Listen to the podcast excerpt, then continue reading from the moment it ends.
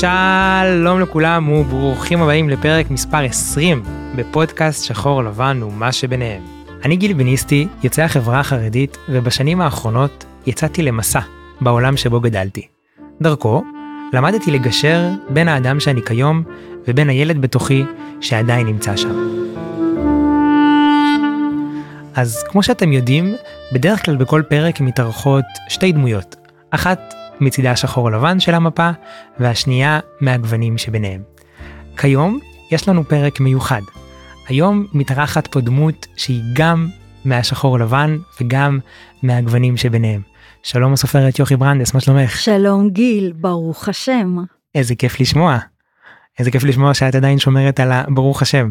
ברור, זה גם הכי נוח, הרי כל הזמן אה, ששואלים מה שלומך, מה שלומך, מה שלומך, הרי לא מתכוונים שאני אגיד באמת, זה מין שאלה כזאת ש...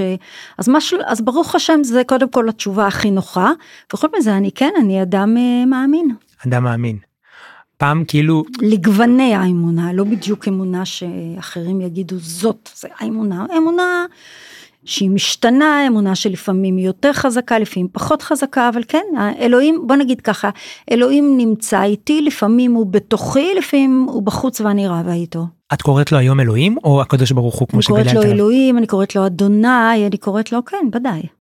מגניב. כבר שנים, לא היום, שנים. מגניב ממש. אה, אני גם מזדהה איתך. אה, ואת עשית אה, שינוי משמעותי בחיים שלך, נולדת למשפחה חסידית מיוחסת, בת למשפחת אדמו"רים, ובשלב מאוחר יותר עזבת את החברה החרדית, הבנת שזה כנראה כבר לא בשבילך, וכיום את אחת מהסופרות המפורסמות בישראל. בואי ספרי למאזינים איך הכל התחיל. אי אפשר להגיד איך הכל התחיל, כי אצלי, נגיד בניגוד אליך שדיברנו, בניגוד להרבה אנשים שאני שומעת, אצלי זה לא היה בום. מה פתאום, שום דבר אצלי הוא לא בום. למרות שאני אדם מתלהב, ואדם, אבל אני לא, אני לא ספונטנית ושום דבר לא בום, הכל אצלי תהליך, מורכבות. אז מגיל צעיר הרגשתי שאני רוצה להיות חופשייה, כך קראו לזה בדורי. כשהייתי ילדה קטנה לא היה חילונים, היה דתיים, חרדים וחופשיים. אני רציתי להיות חופשית. למה? כי רציתי להיות חופשית, רק לאט לאט כשגדלתי הבנתי שאני רוצה להיות חופשית, שזה הדבר שמושך אותי, זה לא המשבר אה, אמונה, אף פעם לא היה לי משבר אמונה, או, אני רוצה להיות חופשית, הכל, גם המסגרת ההלכתית לא מאפשרת חופש. כל הזמן אתה חי עם כללים, ואני בכלל קשה לי עם כללים וחוקים, קשה לי עם חוקים, קשה לי עם פרטים, אני יש לי המון לקויות למידה וגילו את זה, אני גיליתי את זה רק כשהייתי מורה בעצמי, אבל לא, לא יכולה, אז, אז אני רציתי את החופש, ואז לאט לאט לאט לאט כל הזמן הלכתי ויצאתי למקומות שבהם היה לי יותר חופש, ורק התחלתי בזה מתי? התחלתי בזה כבר בגיל 13, 14, רציתי את זה קודם, ובגיל 13-14 התחלתי לצאת ולעבור וחופש ועוד חופש ויותר חופש וכאן חופש, זהו וזה תהליך, האמת היא שזה נמשך עד היום התהליך הזה, זה לא איזה שהגעתי למנוחה ולנחלה והיום יש לי את המקום שאני נמצאת בו, כן, אני מאוד שמחה עם לאן שהגעתי אליו, יש לי גם הרבה געגועים למה שעזבתי, אבל זה חלק מעסקת החבילה ואני ממשיכה את התהליך. ואם אפשר לשאול באיזה גיל התהליך התחיל, נגיד אצלי הוא התחיל בגיל 17. אוקיי, אצלי אני זוכרת את עצמי, גיל, בגיל 6, אבא שלי, אתן לך דוגמה, אבא שלי רואה שאני לא מתפללת, כי אני לא מסוגלת להגיד כל הזמן אותם מילים, אותם מילים, הוא יודע שאני לא מברכת באמת, שאני עושה, בטח לא ברכה קצרה, לא, כן, ברכת המזון, תפילת הבוקר, הוא יודע.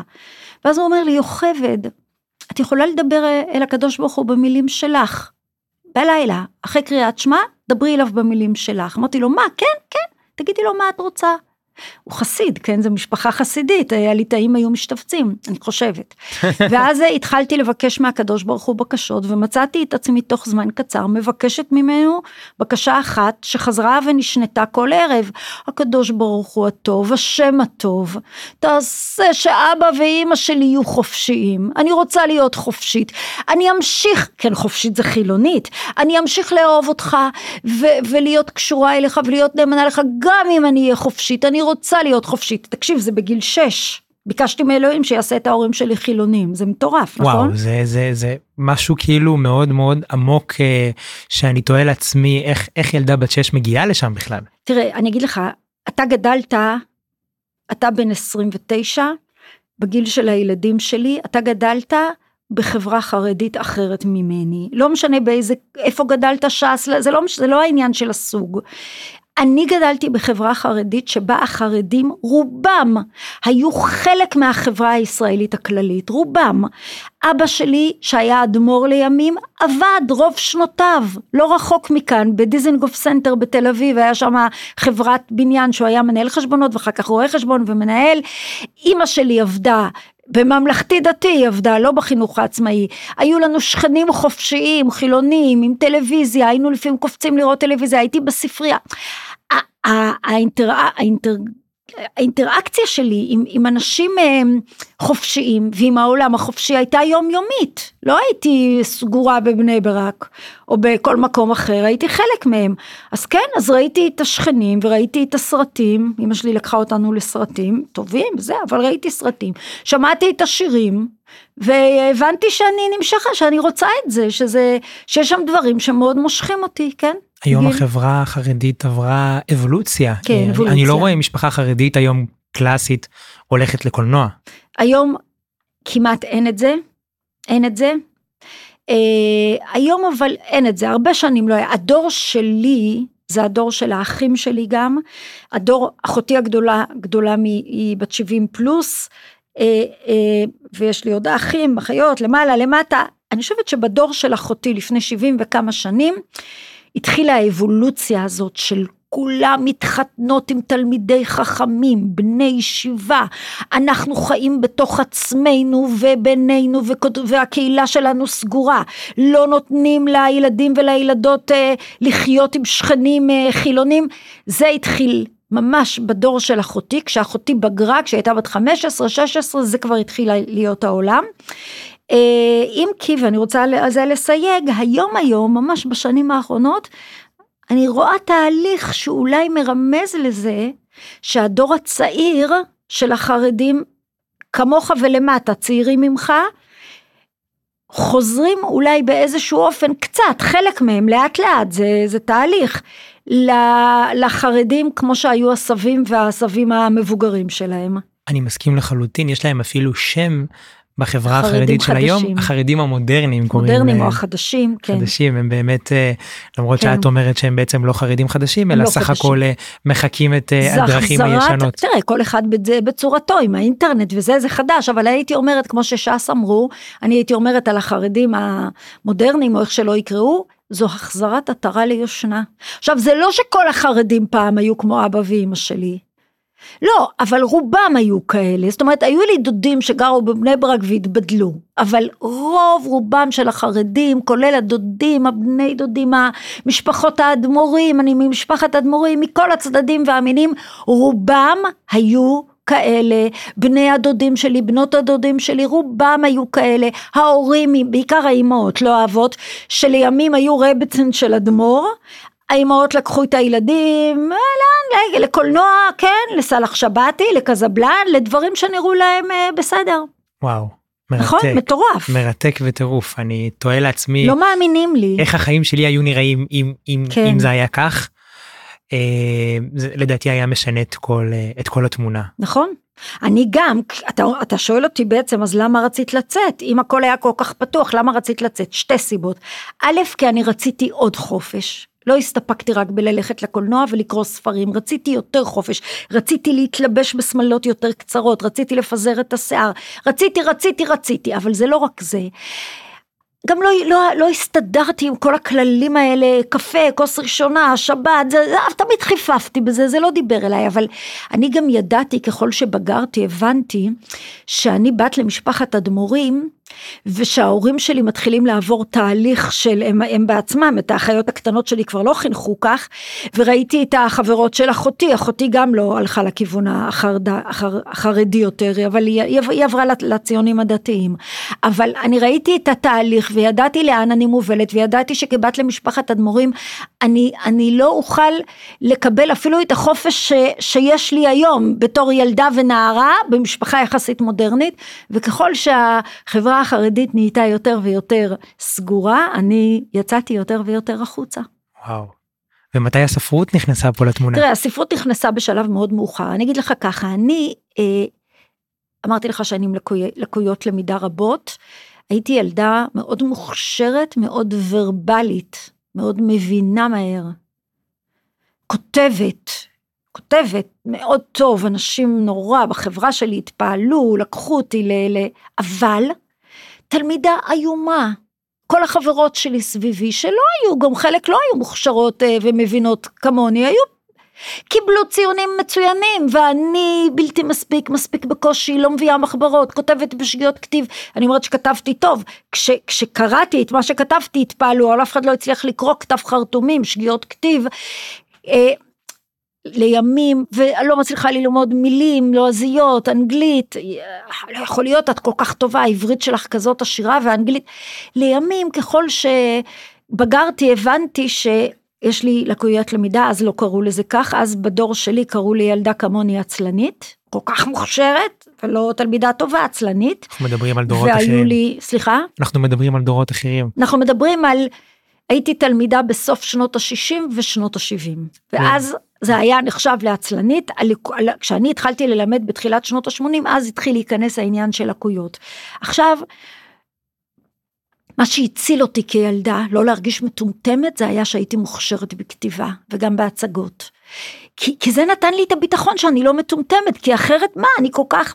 זהו, לימים עזבתי לאט לאט החברה החרדית, הייתי צריכה המון מאמץ בשביל להשלים השכלה, לא בגלל שלא קיבלתי השכלה, בנות בית יעקב לומדות הכל בניגוד לבנים, אבל כי, כי כי הרבה דברים לא הצלחתי ללמוד, אה, דווקא מתמטיקה למדתי בקלות, אה, כמובן כל מקצועות העברית בקלות, אבל אנגלית לא, ו- ו- ומדע לא, וכל מה שצריך זיכרון כזה של, של לא יודעת, של דברים שלא, חלק מחיי זה היה נורא, הייתי צריכה המון להשקיע בשביל לעשות תעודת בגרות, עשיתי, עשיתי את זה בסוף יחסית די בקלות, אבל הייתי צריכה את כל כולי להשקיע בזה.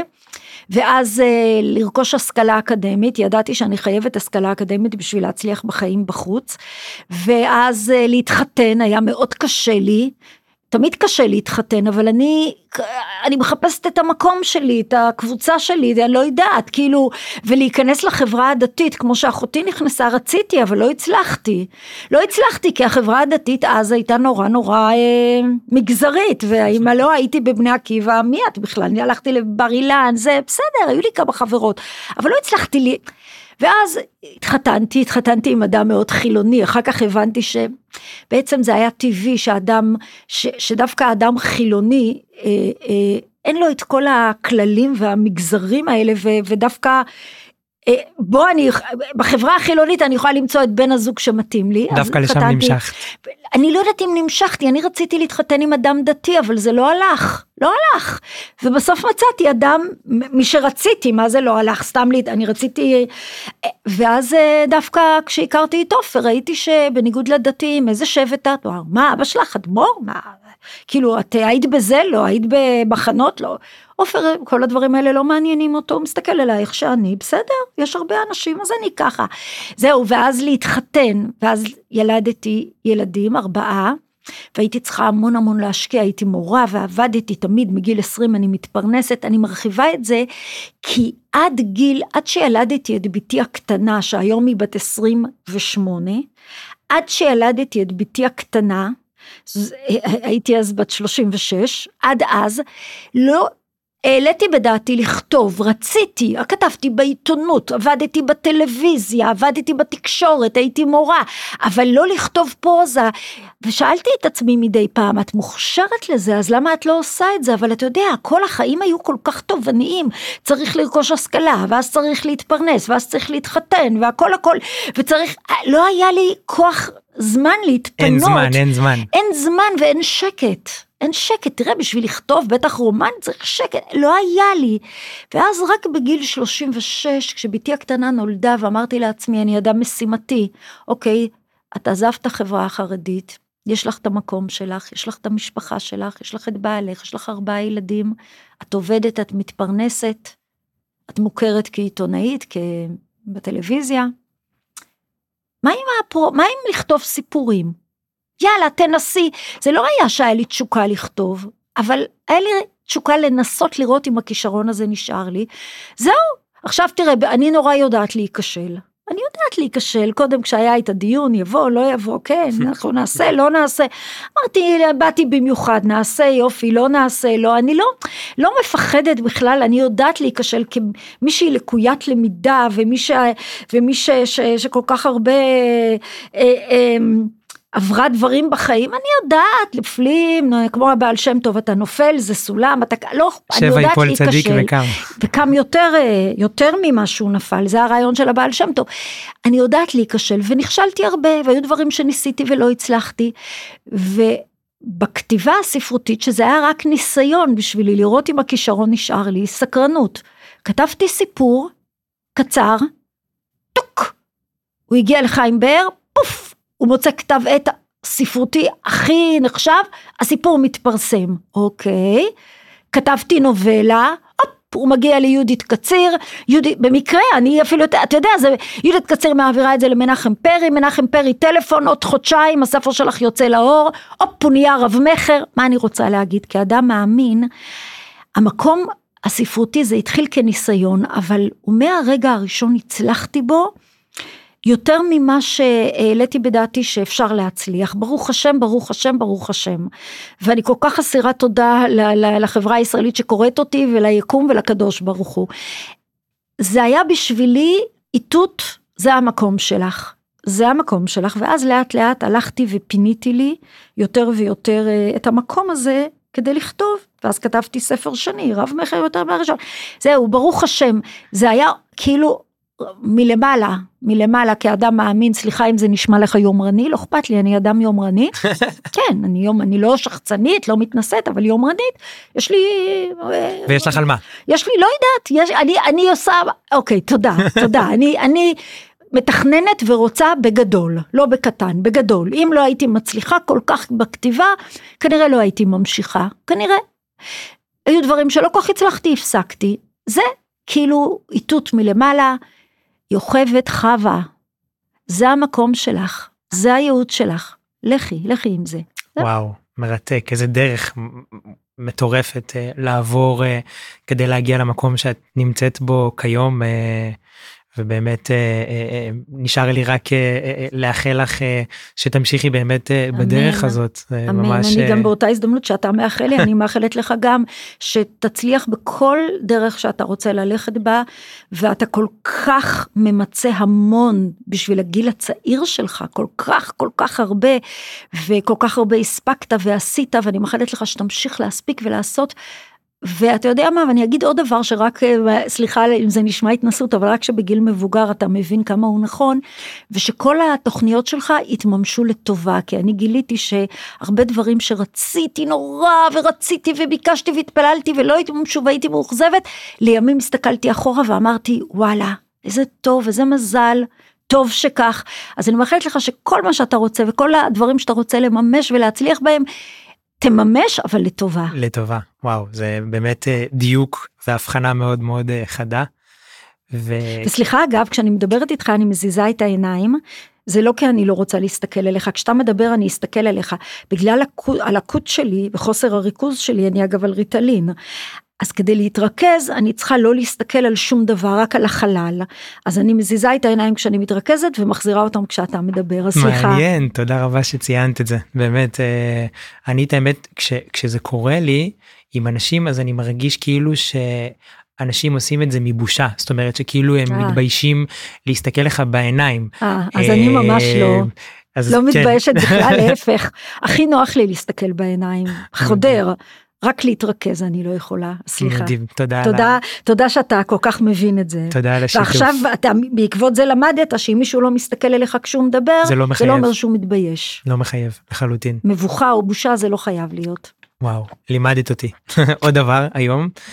ובאמת אה, כשאני שומע את הסיפור שלך ובאמת את הכניסה שלך לקריירת הכתיבה, אה, רבים מהסופרים ומהסופרות בעצם מעצבים את הנרטיב הסיפורי שלהם על חוויות עבר שהם חוו, על כן. חוויות עבר ש, ש, שחברים שלהם, שמשפחה שלהם חוותה, ומסקרן אותי לדעת מה הקשיים והאתגרים ש, שבעצם נתקלים בהם במהלך תהליך כתיבה כזה, כאילו מרגיש לי כאילו אבל, חשוף מדי. תראה, אני אבל לא ככה, אתה, אתה היית שואל את זה סופרות שכותבות על החברה החרדית למשל. אז היית שואל את השאלה הזאת, ואז הן היו צריכות, אני לא כותבת על החברה החרדית, נכון? לא כותבת, הסיפורים שלי, נדמה לי שבסיפור, הספר הראשון היה אה, אה, חברה חרדית די הרבה, הספר השני גם חצי, לא נגע ממש. קצת. אחר כך אני, כתב, אני כותבת על התרבות היהודית, זה הבדל, אני לא כותבת על החרדים, לא אבל לא את כותבת, כותבת עליהם מעיניים מאוד מיוחדות. אני כותבת עליהם מהמקום שבו אני גם כמורה לתנ"ך ויהדות מלמדת. זה מקום שאומר, אני אקח מהתרבות שלי תקופות שהיו בהם מהפכים ביהדות, כי זה הדבר שמעניין אותי, ובתוך, ואני אכתוב על המהפכים האלה מנקודת המבט גם של הקבוצות שהפסידו את ההיסטוריה. זאת אומרת, אני אביא נקודות מבט שנמצאות ביהדות, אבל לא שמים לב אליהם כי הם נדחפו לשוליים, אני דווקא רוצה אותן. אז זה לא מתוך העולם הפרטי שלי, יוכבת הזאת שעשתה כך וכך. נכון שזה נכנס, אבל אני לא כותבת על מה שאני ועל החברה שלי, אני כותבת על היהדות, ולכן... אה, לכן זה דווקא יחסית, אה, אני חושבת שרוב הסופרים כותבים על עצמם יותר ממה שאני כותבת על עצמי. וואו. ועדיין יש אלמנטים, זאת אומרת, לצורך העניין, נגיד, גם שאת כותבת על מהפכים שקרו ביהדות אה, של פעם וביהדות יותר עכשווית, כמו למשל בספר של החדל, הם עדיין זה גם מנקודת, פעם, 300 זה גם שנה. פעם, 300 שנה, אבל ביחס ל, אבל יחס לרבי עקיבא ודוד המלך הזה, כן. זה עדיין אה, נחשב אה, היסטוריה צעירה. אגב, סגוריים, הספרים הראשונים שלי כתבתי בתולדות הציונות, תכף אני אגיד לך גם למה, ממש 50, 70, 100 שנים האחרונות. מעניין. אוקיי.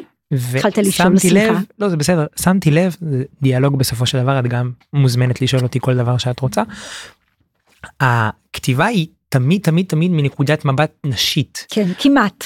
כמעט. כמעט. כמעט. מלכים ג' היה הספר היחיד שיש בו חלק שכתוב מנקודת המבט של שלומם, נקודת מבט גברית. זה היה לי מאוד קשה ולא לא חזרתי לעשות אותו יותר. זה באמת קשה לעשות את השיפט לי זה קשה. הזה? לי זה קשה. אני חושבת שאני אדם לא מספיק עם דמיון אפרופו. את לא מספיק עם דמיון? לא, לא, לא. תקשיב, אנשים מתפלאים, אני אוספת את המקורות, אני יודעת איך לחבר אותם לסיפור אחד, למקורות שונים, אני יודעת איך למצוא את הדמויות, איך, לה, איך להרחיב את הסיפורים, איך להרחיב את הדמויות, איך לשזור אותם. בדמיון להמציא יש מאין. לא כל כך טובה בזה. למה אני אומרת את זה? כי בשבילי לכתוב מנקודת מבט נשית זה, זה לא רק אידיאולוגיה, נגיע תכף לאידיאולוגיה, זה לא בדיוק, זה, זה הדבר שאני, אני יודעת, אני אישה. וכשאני ניסיתי ל- לכתוב מנקודת מבט גברית, או אני לא ממש ראיתי שאני מזייפת, כי לא יודעת, קשה לי, אני קוראת המון המון סיפורים ושומעת המון המון גברים, ויש לי בעל ויש לי ילדים, בנים גם. לא, לא, אני מרגישה הכי הכי בטוחה ונוח לי, ואני, לכתוב בשבילי זה להיכנס לעולם, עולם. אני נכנסת לעולם, אני לא כותבת עליו, אני בתוכו. יש לי, יש לי כל פעם כשאני כותבת ספר שני עולמות, העולם שלי, המשפחה שלי, העבודה שלי, אני, אני מלמדת, והעולם של הספר שאני בתוכו, ולהיכנס לעולם הזה של הספר, להיכנס לתרבות אחרת, צבעים אחרים, מנהגים אחרים, אנשים אחרים, אני צריכה להרגיש שיש לי אחיזה, ואם אני גם נכנסת כגבר, זה לא, זה, זה לא. מצחיק שאת אומרת את זה, כי דווקא אני למשל, אחד הספרים הכי אהובים עליי שלך כולם אהובים אבל אחד הכי בולטים זה מלכים ג' דווקא כן. כאילו כשאני קראתי אותו אני זוכר אה, זה גם הספר שקראתי אותו זאת אומרת ממש מבלי להוריד אותו מהידיים בניגוד לספרים אחרים שאני קורא או נגיד ספר, ספרי עומק שלך יותר שחייב להוריד אותם מהידיים ובאמת אה, אה, להתעמק בהם קצת. זה כאילו בשבילי היה mind blow כי אני בתור ילד גדלתי על שיעורי אה, תנ"ך בתלמוד תורה זה כאילו למדתי בתלמוד תורה שהוא בעצם תלמוד תורה ספרדי, שכן שמים דגש על לימודי הנביאים כתובים, לא רק בעצם על אה, לימודי תורה ו- ומשנה וגמרא. אז כן היה בניגוד לאשכנזים. בניגוד, כן, בניגוד לחיידרים האשכנזים. ודווקא מאוד אהבתי את זה, זאת אומרת, אני זוכר שיעור נביא היה אחד השיעורים האהובים עליי, ו- וכאילו, וגם הייתי בזה טוב. ומלכים א' ומלכים ב', למדנו אותם עזבו איתך שגם לאחר מכן למדתי אותם. שמואל א' שמואל ב' מלכים א' אתה מדבר על התקופה של אה, על התקופה דוד, של דוד שאול דוד שאול ודוד שאול ודוד שמואל א' שמואל, שמואל ב' ומלכים. זאת תחילת מלכים א' כן. נכון נכון אבל כאילו אני מדבר באופן כללי על על על ממלכות בעצם ממלכות כן. ישראל וממלכות יהודה אה, שכאילו בעיניי זה היה מרתק זה כאילו היה לקרוא סיפור.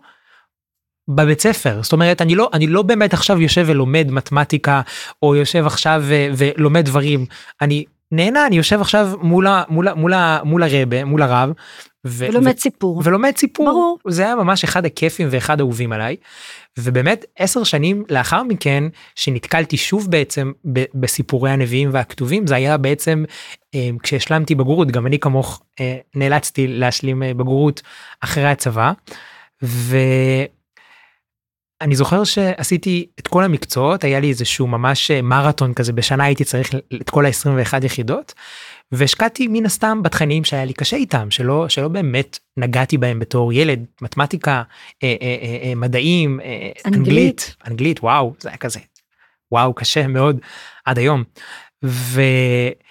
וכשהגעתי לשיעור תנ"ך אז נכנסתי אני זוכר נכנסתי למרצה ואמרתי לו תקשיב אני גדלתי בעולם החרדי וכן שמנו דגש על תנ"ך, אז אם זה בסדר מבחינתך, אני אוותר על רוב השיעורים, אני אכנס לקראת בעצם, לקראת הבחינה, אה, כדי לשמוע בעצם את ההכנות שלך לבגרות ונסיים בזה. והוא אמר לי, תקשיב, יש לי הרבה הרבה סטודנטים כמוך כל כל שנה מגיעים כל סמסטר מגיעים ואומרים לי את זה. זה לא אותו תנ"ך שלמדת כשהיית כשהיית ילד. אמרתי לו אני מבין שזה לא אותו תנ"ך אבל עדיין יש לי דברים יותר חשובים במרכאות להתעסק בהם. בסוף, כשהגיע באמת הבחינה, כן הצלחתי, כי שוב, אני בן אדם שקדן ו- ו- וחרשן מטבעי, אז כן באמת אה, אה עברתי וקיבלתי 100 בגרות בתנ"ך, שזה לא נראה לי כזה משימה קשה, לפחות לא ב- ב- בתנ"ך החובה, בשתי יחידות, לא המורחב.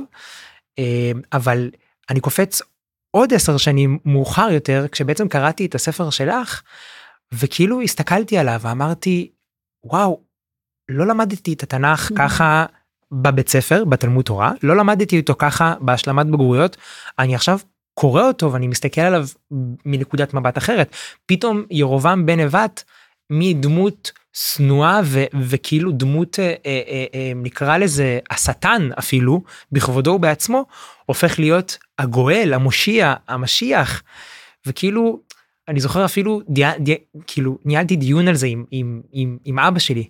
והוא אמר לי תשמע אני לא מקבל את זה אני לא מקבל שהתנ"ך שאנחנו מכירים כיום נכתב מנקודת מבט מאוד מאוד מאוד אה, אה, את קוראת לזה סופרי יהודה כן. במרכאות ממש זה פשיטה לא זה פשיטה עכשיו אנחנו יהודה אנחנו יהודה זה התנ"ך שלנו בממלכת ישראל או בבית שאול היה, היו סיפורים אחרים זה כל כך פשיטה שזה אני יודעת שככה אנשים דתיים שגדלו בעולם הדתי והחרדי לא, בהתחלה לא מבינים את זה יש לי גם סטודנטים אפילו ממערכת החינוך הממלכתית שבהתחלה לא מבינים אבל זה זה הכי פשוט כאילו כש, כשמבינים את זה גם אדם דתי מאמין חרדי אז הוא יגיד התנ"ך אלוהי אבל זה ברור שהתנ"ך האלוהי הזה נמסר ליהודה אנחנו יהודים זה יהודה. וואו. אה, אני, אני, אני זוכר ציטוט מספר מאוד מאוד מאוד שהשפיע עליי ספר דיסטופי 1986 ויש שם איזה ציטוט אני לא יודע אם אני אומר אותו במדויק שאומר שבעצם מי ששולט על הסיפורים של העבר שולט גם על ההווה. כן זה אני אומר אני בעצמי אני לא הכרתי את הציטוט הזה אבל אני כתבתי אותו בספר מלכים ג' ובעוד ספרים והעורך אפילו הפך לי את, הסיפ, את, הפס, את המשפט הזה למשפט אה, מפתח בכריכה. אה, והיום אני גם חוזרת אליו האימא של הגיבור אומרת לה שהיא לא האימא שלו אבל הוא לא יודע הוא אמור להיות המלך הבא אבל הוא לא יודע כי מחביאים אותו היא אומרת לו סיפורים.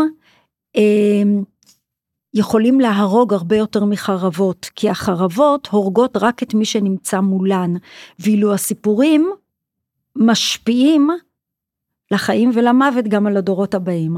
אז זהו, אז זה בעצם מי ש... מי ש... אני בעצם, מה שאתה התחלת להגיד, קודם כל אני אגיד ככה, אתה הכי, הכי אוהב את מלכים ג' כמו הרבה הרבה מקוראי, בטח הצעירים, כי הוא הספר הכי אה, קל לקריאה.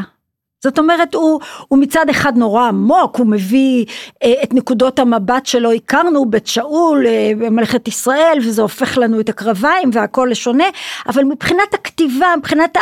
הוא סיפור פשוט, הוא סיפור קל ולכן הוא, הוא ספר שבאמת המון אנשים הכי הכי אוהבים אותו. הספרים האחרים, תמיד אני רוצה לכתוב קל, זה לא שאני רוצה להיות פלצנית ולכתוב קשה, ממש לא, אלא מה? מלכים ג' הוא ספר שיכולתי לכתוב קל, כי הרעיונות שבו הם אמנם עמוקים, אבל הם פשוטים. הנה, בשל, בשלושה ארבעה משפטים אמרתי התנ"ך, דיברנו על זה שהתנ"ך שלנו יהודאי, יש נקודות מבט אחרות, וחלק מהן נכנסו לתנ"ך שלנו, נכנסו אבל בקטנה, זה הרעיון. כשאני כותבת על חז"ל, כשאני כותבת על uh, החסידות, אלה הם כבר רעיונות מאוד עמוקים, מאוד קשים. אני לא יכולה לעשות ספר כל כך פופולרי, אני מנסה, אבל הספרים האחרים שלי תובעים יותר אה, מאמץ וקשב וריכוז, אז זהו, אז הם פחות, הם מאוד הצליחו ברוך השם ומצליחים, אבל אני יודעת שלא בולים אותם בשבוע או בשלושה ימים. שלא אה, תביני לא נכון, אני גם, גם אותם בלעתי במהירות די, באמת? די, די גבוהה, את, גם את, את הדל הפרדס, אפשר לבלוע מהר. את הדל לא, את הדל לא, אבל נגיד את הפרדס של עקיבא, חלק לא בלוע מהר. כן. בגלל שבעצם הוא מדבר על, על, על חכמי בעצם המשנה, שאתה גדלת עליהם, שאני גדלתי עליהם, כן. בשבילי זה גם היה לבוא ולהסתכל נכון. על זה. מנקודת מבט אחרת, פתאום נכון. להסתכל על רבן שמעון בן גמליאל ועל רבי עקיבא. אמ, ואז אתה גם יודע איפה לחפש ולראות שלא המצאתי את הסיפורים שהסיפורים קיימים נכון? הסיפורים קיימים. אז זהו אנשים חושבים שאני ממציאה את הסיפורים האלה. מי שחושב את זה צריך קצת יותר לעיין באמת בספרי ההיסטוריה של, של העם היהודי לדורותיו. אמ, ואני בגלל באמת שגדלתי על זה אז אצלי זה אחרת במיוחד בעצם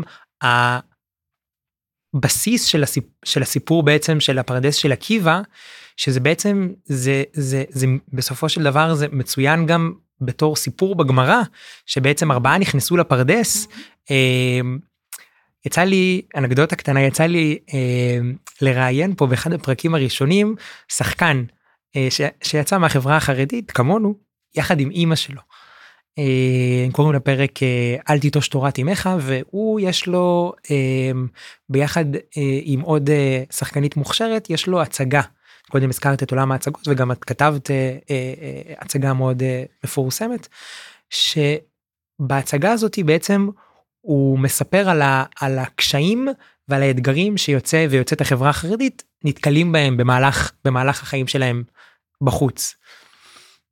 ואז בעצם הוא, הוא משחק דמות שיושבת בבית מדרש, יושבת בבית מדרש, ולומדת בעצם את המשנה הזאת, ארבעה נכנסו לפרדס כן. ואלו הן, והוא כאילו, והוא אומר את זה בהצגה, וגם הוא אמר את זה פה בתוכנית, ומאוד התרגשתי, ואחרי שקראתי את החלק הזה שלך של הפרדס של עקיבא, אני זוכר שאמרתי לו, תקשיב, אבי, אני חייב שתקרא את, את החלק הזה, כי אתה תסתכל על זה מנקודת מבט אחרת, כי כשאתה בתור נער חרדי בחור ישיבה חרדי כשאתה קורא את זה ואתה אומר ארבעה נכנסו לפרדס ואלו אין בן עזאי וזה.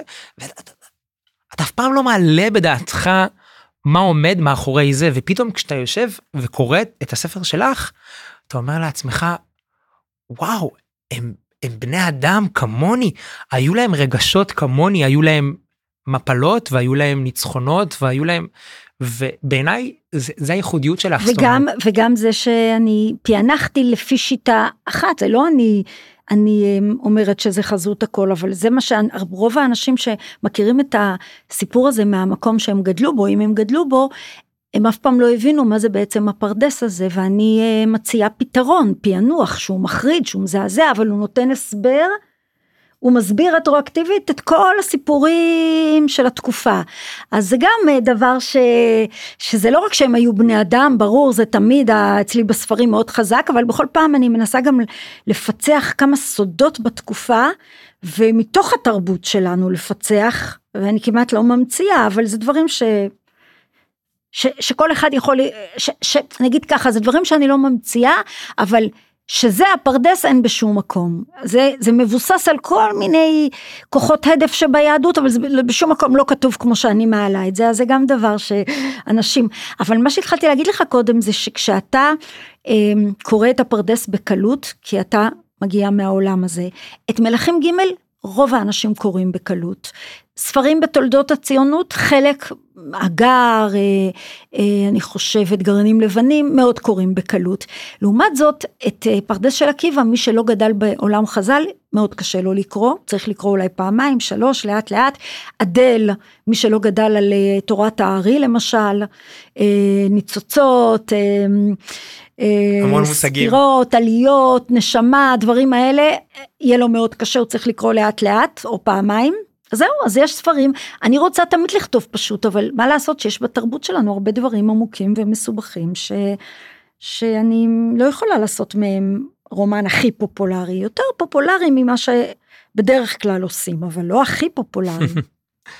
אני עדיין אה, מאחל לכולנו להגיע לפופולריות שלך גם בספרים הפחות בסט סלר נקרא לזה. הם אגב סליחה מבחינה זו מבחינה זו כולם את אומרת. כולם ברוך השם ברוך השם ברוך השם.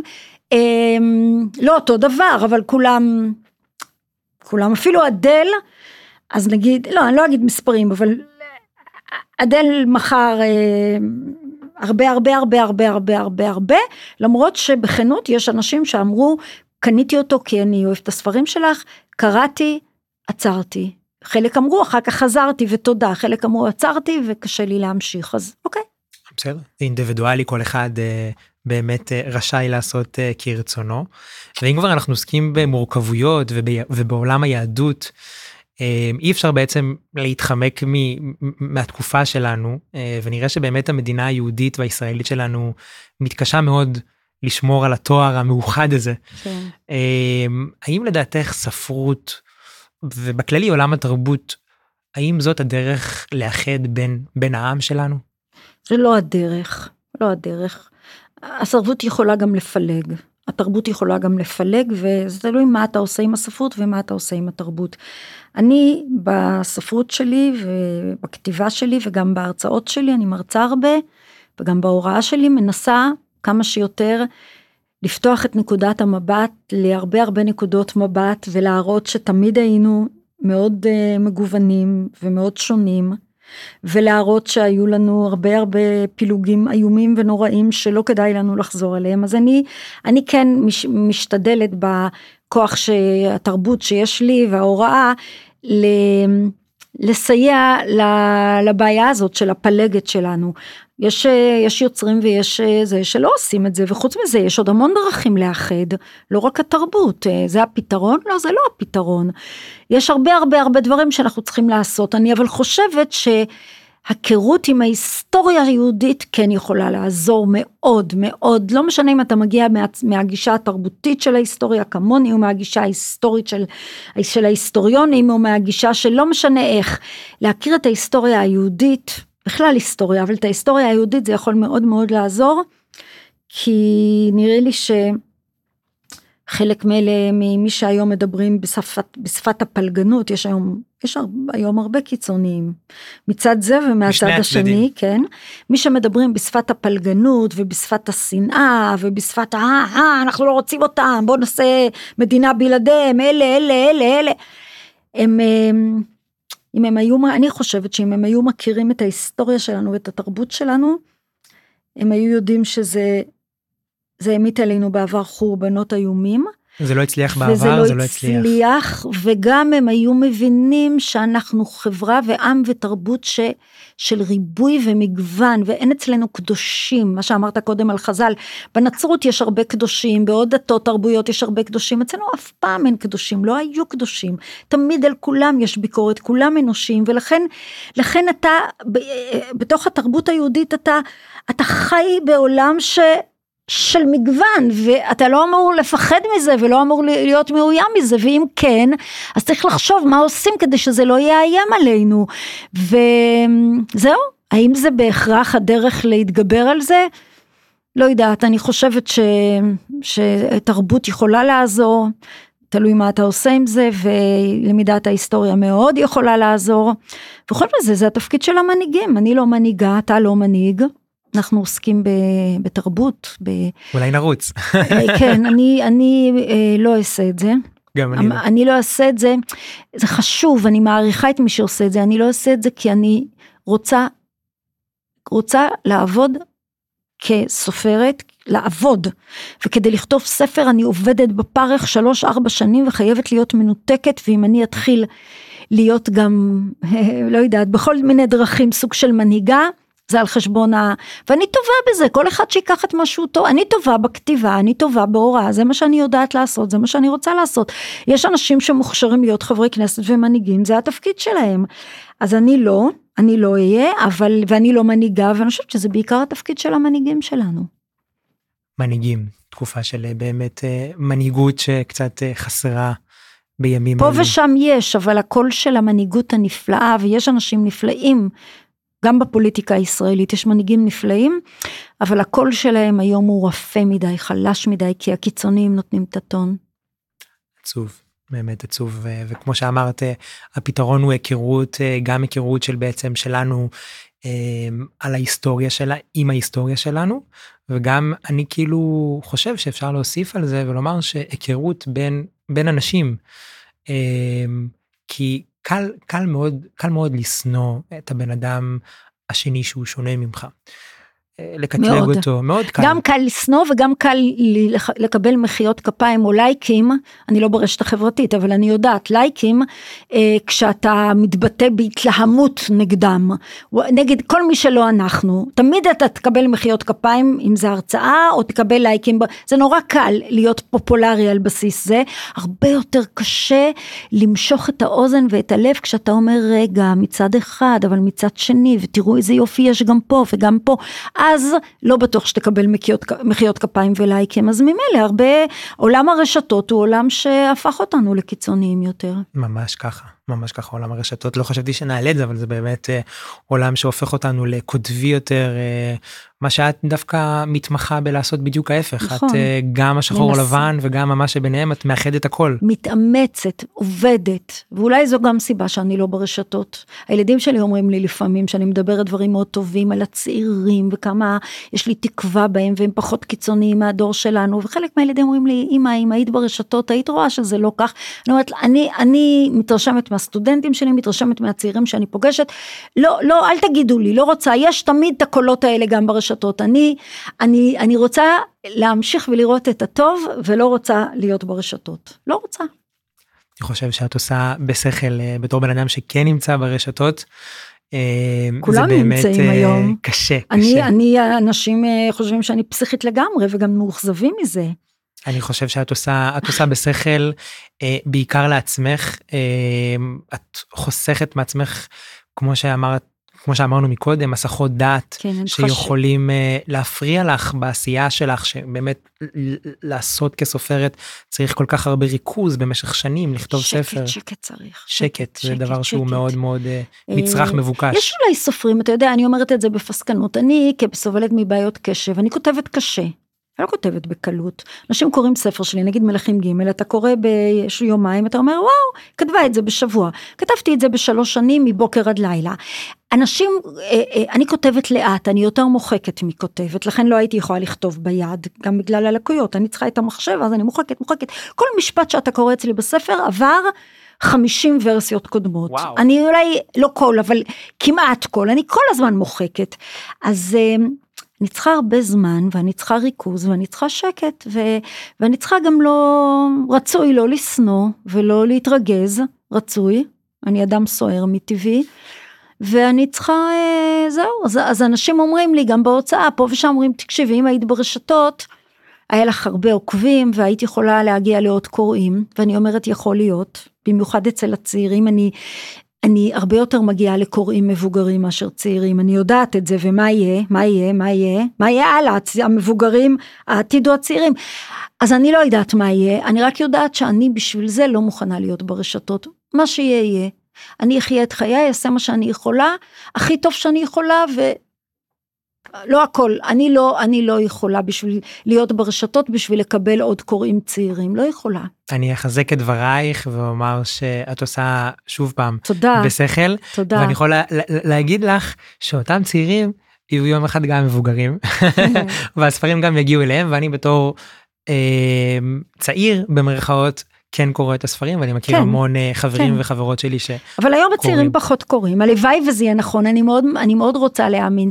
היום הצעירים פחות קוראים מפעם, ולכן זה לא בטוח שכשהצעירים יתבגרו הם יקראו יותר, אבל מצד שני, אה, אני כן רוצה להאמין בזה ש... ש, ש וגם חלק מהצעירים אומרים לי כמוך, אבל גם אומרים, אה, כן, פה, שם, אולי פחות קוראים, אבל עדיין כשאני, זאת אומרת, אני לא יודעת איך לנסח את זה, יש סיבה לאי אופטימיות, אבל אני אופטימית, די, מספיק, בלי סיבה. בלי סיבה, אני פשוט אופטימית. להניח את זה על השולחן, אופטימיות זה דבר חשוב, אה, וזה באמת השלב אה, בריאיון שבדרך כלל אני מעביר את המיקרופון אלייך, האם ישנה איזה שאלה שמסקרנת, שמסקרנת אותך לגביי, לגבי שחור לבן ומה שביניהם שאת רוצה להציף ולשאול? אני אשאל אותך משהו, אבל הוא קצת אישי, ואתה יודע לחתוך אחר כך מה שלא נראה לך, או שלא בוודאי, תחתוך? בוודאי. אוקיי, כי אמרת לי קודם שאתה מאוד מאוד נמנע מהגדרות, ולכן גם להיות יהודי ולהיות ישראלי זה הגדרה שאתה לא נכנס לתוכה. עכשיו, כמי שמאוד נרתעת מהגדרות, ואף פעם לא מוכנה שיגדירו אותי, ואת חילונית, את דתית, את מסורתית, את חרדית, את, אה, את ימנית, את שמאלנית, את, אה, את אשכנזייה, את מזרחית, בסדר, נולדתי אשכנזייה, אבל אני בהמון דברים הרבה יותר מזרחית, לא משנה, לא רוצה שתגדירו אותי, אני גם וגם וגם וגם וגם. עדיין אתה כל כך נרתע מהגדרות, שאפילו את המקום של העם שלך ושל המדינה שלך, אתה לא רוצה שיגדירו אותך. מצד שני, בכל מה שאתה עושה בשנים האחרונות, בשחור לבן, המפעל הענק הזה, החשוב הזה, הגדול הזה, שכל כך שמחתי לבוא ואמרתי לך, יש לי אתה יודע, גם יש לי, באמת, זה, זה פודקאסט קטן, צנוע, ויש לי הזמנות לדברים הרבה הרבה יותר גדולים שאני לא באה, זה לא החישוב אצלי, כי אני כל כך התלהבתי מזה שאדם כמוך עזב את החברה החרדית, אה, לא נמצא במקום של אנטי אנטי אנטי, אלא רוצה לאחד ולקרב את כל חלקי העם.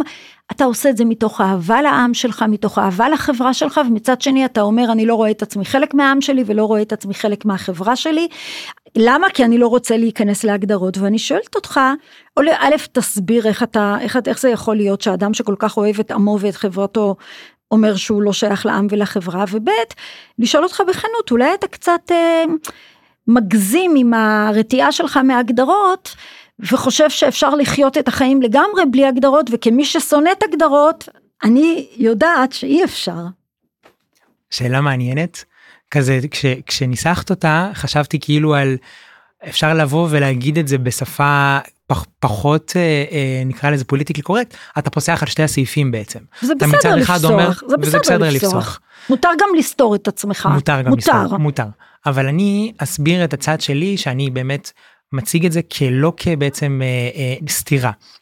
אני אומר שאני אוהב את החברה שבאתי ממנה, אני מוקיר תודה על מה שהיא לימדה אותי, על, על כל הדרך שעברתי בזכותה, כי באמת לולי זה לא הייתי מי שאני כיום, אבל עדיין אני לא רוצה להיכנס להגדרות של בן אדם חרדי, חילוני ואפילו יהודי, כי אני בתור אישיות שלי, בתור גיל, כשאני נכנס להגדרות, אוטומטית אני חייב לבוא ולהצדיק את ההגדרה הזאת. זאת אומרת, אם אני למשל יהודי, אז למה אני לא פועל כיהודי? זאת אומרת, למה יהודי... אתה לא פועל כיהודי?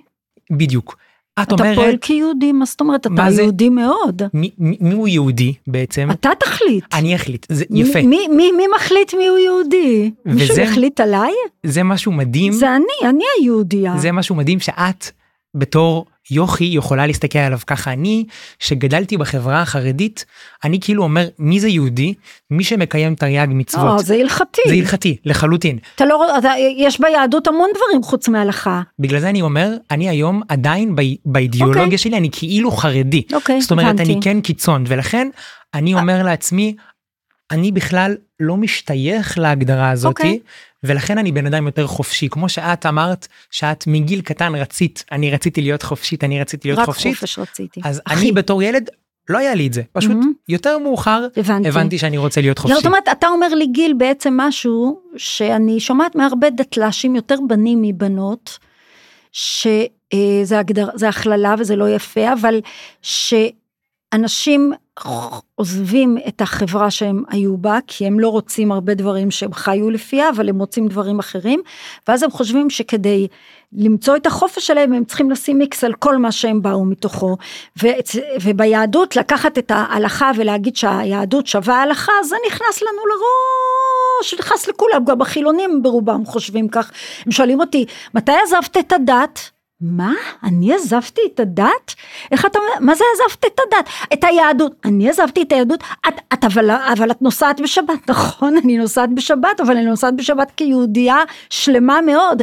בקיצור, אתה אומר שמה שהרבה הרבה אנשים, דתל"שים וגם חילונים חושבים, שהיהדות וההלכה שוות, זהות, ואם אתה לא רוצה לחיות במסגרת הלכתית, אתה לא יכול להרגיש כיהודי, בסדר, אני מקבלת את זה. ניפגש עוד עשר שנים, נראה, או שזה יעבור לך, ואז אתה תראה את הדברים באופן אחר ותגיד אני תוכל להגיד יותר אני לא אומרת כמוני אבל תוכל, תוכל לחשוב גם על זה שזה או שתגיד לי התחזקתי ובטח והגעתי למסקנה שאם אתה לא שומר הלכה אתה לא יהודי יכול להיות. Time time will see כמו שאומרים באנגלית באמת כשנחזור כשתחזור מפורטוגל מפורטוגל ואני מאחלת לך ולילדיך ולאשתך ולמשפחתך שאתה תחזור ותגדל כאן את משפחתך ומאחלת את זה לנו המדינה שלנו כל כך צריכה אדם כמוך. תודה רבה אני מסמיק פה מי שמי שלא רואה אני מסמיק פה מאחורי המיקרופון.